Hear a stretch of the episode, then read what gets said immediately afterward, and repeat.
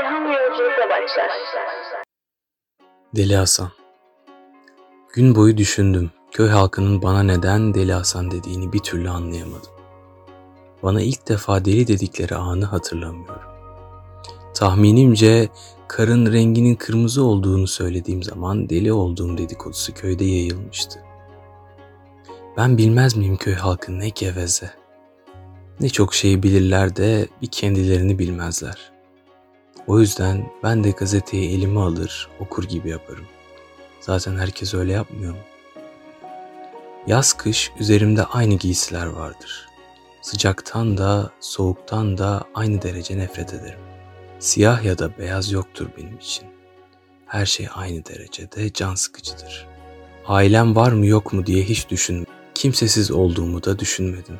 Çünkü aslında herkes hayatta bir parça kimsesizdir. Muallim efendi bana kısaca Hasan der. Mahalle halkı ise 7'den 70'e Deli Hasan der. Aradaki farkı anlayabilmek için 3-5 sene harcadıysam da henüz kesin bir sonuca ulaşamadım. Muallim efendi iyi bir adamdır. Beni ne zaman görse hadi soğuk bir şeyler içelim Hasan deyip gazoz ısmarlayıverir. İnsanın sevdiği şeyleri bilen birinin olması gerçekten hoş şeydir. Yüksek sesle konuşmayı sevmem. Çünkü kimse dinlemez beni. O yüzden ben de içimden konuşurum. Hatta bazen içimden o kadar çok konuşurum ki uykuda bile devam ederim konuşmaya. İnsanları dinlemeyi de sevmem. Çünkü bilirim söyledikleri ve yaptıkları aynı değildir. Sevmediğim o kadar çok şey var ki saymaya başlarsam Trakya'nın bütün ayçiçeklerini saymak kadar uzun sürer.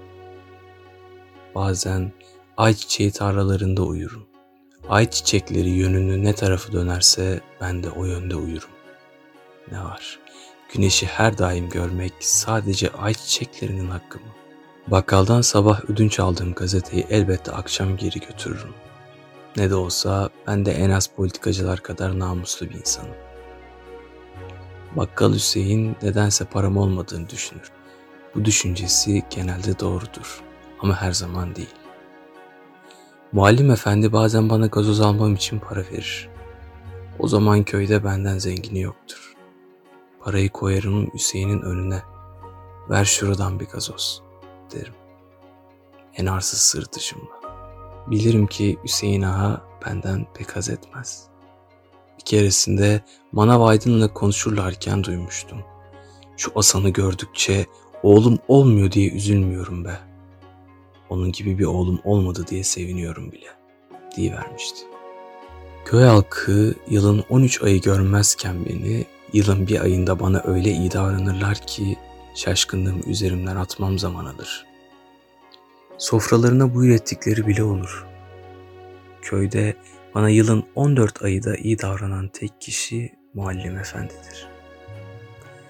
Bazen bana yeni entariler aldığı bile olur. Öyle kimsenin eski yamalı entarileri değil. Sadece benim için. Yepyeni. Yeni entarilerimi giymem. Eskir çünkü. Onları elimden hiç ayırmadığım poşetimin içine koyarım. Deli olduğumu düşünmesinler diye de havanın kararmasını bekler, entarilerimi poşetten çıkartır, eskimesinden korkarak usulca severim. Ah muallim efendi hoş adamdır canım, zevkli adamdır.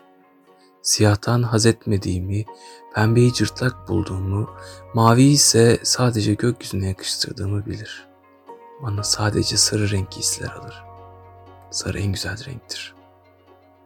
Ay çiçekleri arasında sarı giysilerimle uyurken bir olurum onlarla. Sarı giyinmek ay çiçeklerine benzememi kolaylaştırır. Ay çiçeğine benzemek hoşuma gider.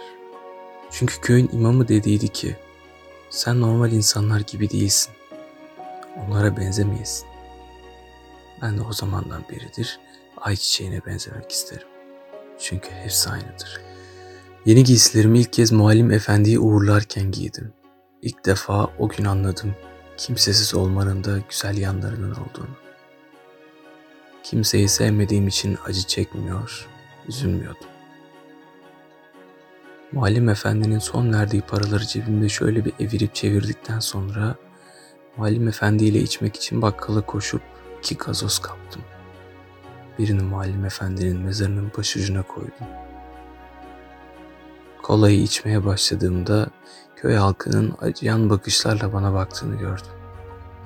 Köy halkı o kadar cahil ki ölülerin gazoz içebileceğini dahi bilmiyor. Eyvah, Muallim Efendi öldü. Şimdi bu cahil köylüleri kim eğitecek?